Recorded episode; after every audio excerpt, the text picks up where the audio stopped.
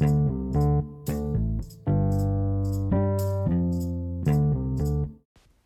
denne podkasten skal jeg snakke om den satiriske karakterkomedien Erasmus Montanus. Først skal jeg fortelle litt om forfatteren og litt om handlinga i stykket. Deretter skal jeg ta for meg en scene i Erasmus Montanus der det fokuserer på temaet statusspråk og makt. Og så skal jeg ta for meg temaet og diskutere hvordan det er aktuelt i dagens samfunn. Forfatteren i dette stykket han heter Ludvig Holberg. Ludvig Holberg var den største og viktigste norsk-dansk forfatteren og historikeren på 1700-tallet. Holberg gikk trolig i tysk skole før han var innskrevet ved latinskolen. Han var professor ved Universitetet i København og skrev i de fleste sjanger på dansk. Essayen han skrev om slutten av livet, markerer starten på dansk-norsk essaytradisjon. Forfatterskapet hans presenterte nye ideer om kjønn, religion og politikk for en bredt dansk-norsk essaytradisjon.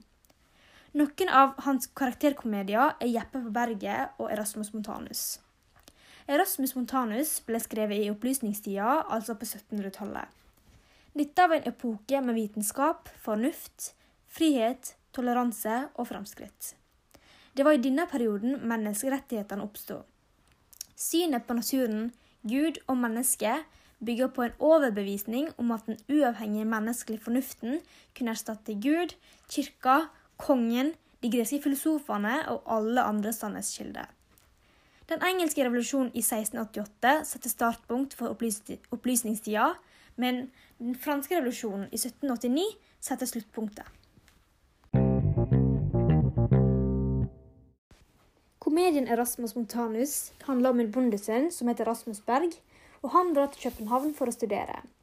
I studiene i København så studerer han på latin.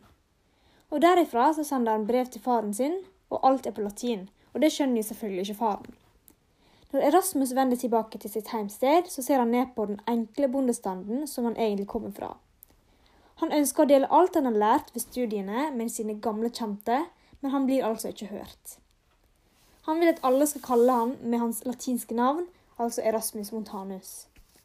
All den nye vitenskapen blir for vanskelig å fordøye for de enkle bøndene som ender med å avvise både vitenskapen og Rasmus Berg, som han egentlig heter.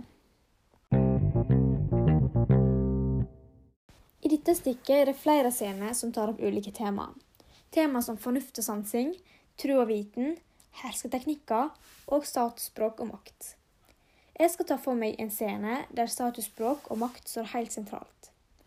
Dette er en scene midt i stykket der Erasmus Montanus og Per Dein snakker på latin. Her er det om å gjøre å vise hvem som kan latin best. Per Dein er et kjent fjes og populært fjes i bygda. Alle stoler på det Per sier, med tanke på at han er godt kjent og han kan latin. Men dette skal egentlig ikke ha noe med alder og status å gjøre. Selv om Per kan latin, kan òg Erasmus latin. Per Dein vil i denne scenen overbevise de andre om at han kan bedre latin enn Erasmus. Men dette blir tåpelig for seerne å se på. Fordi når Per finner på latinske ord og snakker bare helt tull i forhold til Erasmus, så er det ikke sammenlignbart. Så her tar Per seieren, da, i dette stykket, eller i denne scenen, ifølge folket. Jesper sier f.eks. til mora til Erasmus at Per er så masse eldre enn Erasmus at det var bare derfor at han kan mer enn sønnen hans, og at han på en måte vant kampen. Men latin til Per er ikke noe som er sammenlignbart med latin til Erasmus, som sagt. Men det er jo ikke alle som skjønner, iallfall ikke de på bygda, og de tror altså at Per Dein er bedre i latin enn Erasmus. Men hvordan skal statusspråk og makt være aktuelt den dag i dag? I Bergen eksempel, så finnes det flere måter du kan snakke på penbergensk, gatebergensk eller noe midt imellom. Men noen snakker finere i noen anledninger enn andre. Og dette kan ha noe med hvordan du vil framstille deg foran en bestemt gruppe med folk. Eh, hvis vi tar for eksempel, altså, Dersom du tilhører overklassen og er rundt arbeiderklassen, vil noen snakke ekstra pent for å vise at de hører til overklassen, men òg for å vise at de i hvert fall ikke tilhører arbeiderklassen. Og dette kalles da divergering som vil si å opprettholde en forskjell, som i dette tilfellet er å, altså å vise at du ikke er en del av arbeiderklassen. I motsetning til divergering er det noe som heter konvergering. Å konvergere vil si at en tilpasser språket etter hvem man snakker med. F.eks. når man snakker med besteforeldre, legger man av seg de mest typiske ungdomsuttrykkene. Når man konvergerer, behandler man på en måte alle likt. Ingen vil føle seg utenfor eller noe mindre enn andre, bare fordi du kan mer ord enn andre. Og ungdom og voksne har begge ulike vokabular, og dette er helt normalt og har med hvem man omgås med, og hva man interesserer seg i. Så det å bruke slengord foran voksne kan være en måte å bruke språk som makt og status. Og det å vise at du kan noe som andre ikke kan. Og utdanningsmessig, vi tenker på bachelor og master. Bachelor er en treårig utdanningsretning, mens master er femårig. Og de som har tatt en master, altså en femårig studie, vil kjenne på det å ha mer status og makt ettersom de har studert lenger. Men både bachelor og master er begge kunnskapsrike, og den ene er ikke mindre verdt enn den andre.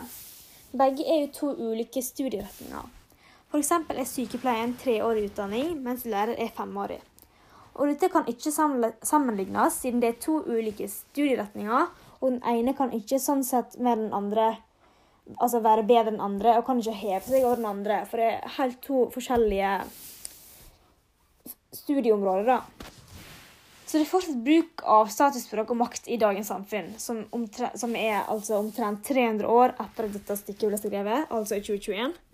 Man skulle kanskje trodd at dette var lagt bak oss, men det er fremdeles noe som er aktuelt den dag i dag. For å runde av er Rasmus Montanus en karakterkomedie med interessante temaer i de ulike scenene. Ludvig Holberg, som er forfatteren av Erasmus Montanus, har skrevet dette stykket med utgangspunkt i ulike vinklinger. Noen vil kanskje kalle stykket for mer en tragedie enn en komedie, men dette stykket er da systematisert i komediesjangeren. Erasmus Montanus, som er hovedpersonen i dette stykket, er en kunnskapsrik mann som ikke blir hørt. Dette skaper trøbbel for han, men for han er det ingen vei ut av denne utfordringen. Han ble målbinda av Per Dein, som snakker falsk latin og taper latindiskusjonen. Det å vise at man er bedre enn andre ved bruk av språk, er fortsatt aktuelt den dag i dag.